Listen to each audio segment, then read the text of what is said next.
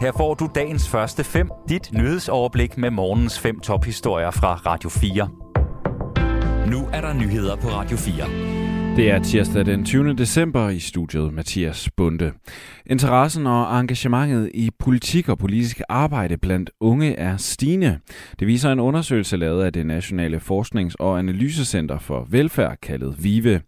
Fra 2017 til sidste år er der sket en stigning i antallet af unge, som engagerer sig i politisk arbejde i ungdomspartier, foreninger og bevægelser, fra 10 til 19 procent fra 2017 17 til 19, altså næsten en fordobling.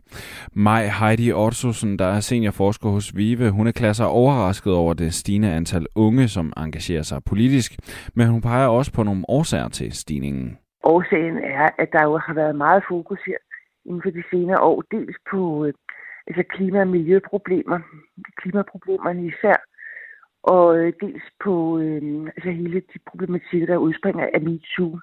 Fortalte seniorforsker Maj Heidi Heide Ottosen, hedder hun. Det nye supersygehus Odense Universitetshospital bliver forsinket med et år og bliver over en halv milliard kroner dyrere end planlagt. Det skriver Region Syddanmark i en pressemeddelelse. Det er udefrakommende forhold som inflation, der er skyld i prisstigningen. Det fortæller regionsformanden for i Region Syddanmark, Stephanie Lose fra Venstre.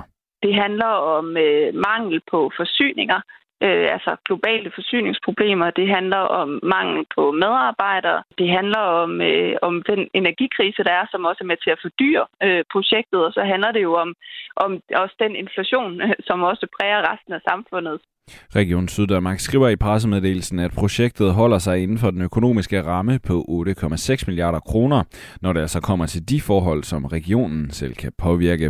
Regionsrådsformanden understreger, at det er ting, som de ikke kan styre, som forsinker og fordyrer byggeriet.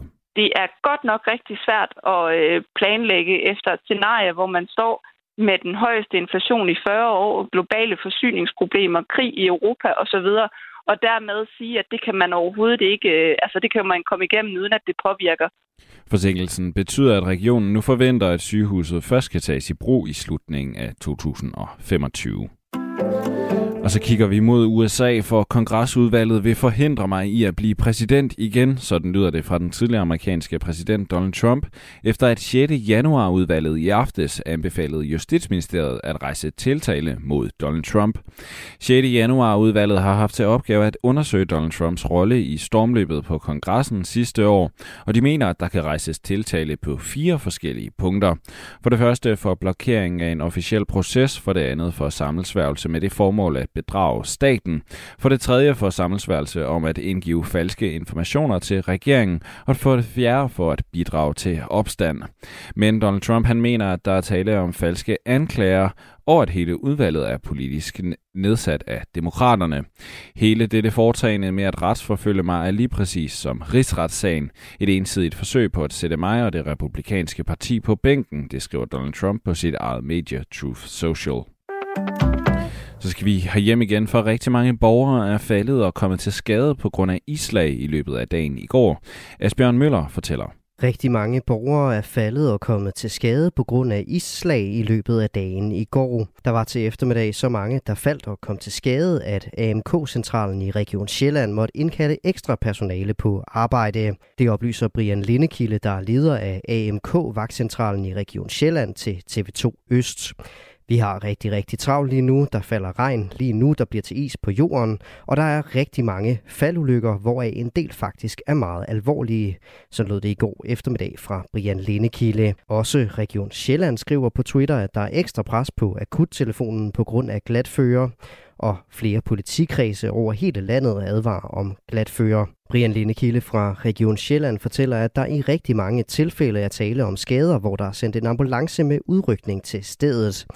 Der er nogle ret alvorlige ting, eksempelvis brækkede arme og ben, hvor lemmerne er vredet ud af deres normale position, siger han.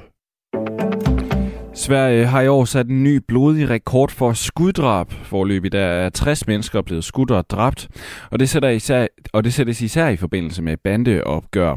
Til sammenligning så er der i Danmark indtil videre 8 skuddrabte i år. Dermed så overgås rekorden fra sidste år, hvor tallet altså lød på 45 skuddrabte. Dagens første fem er tilbage igen i morgen tidlig.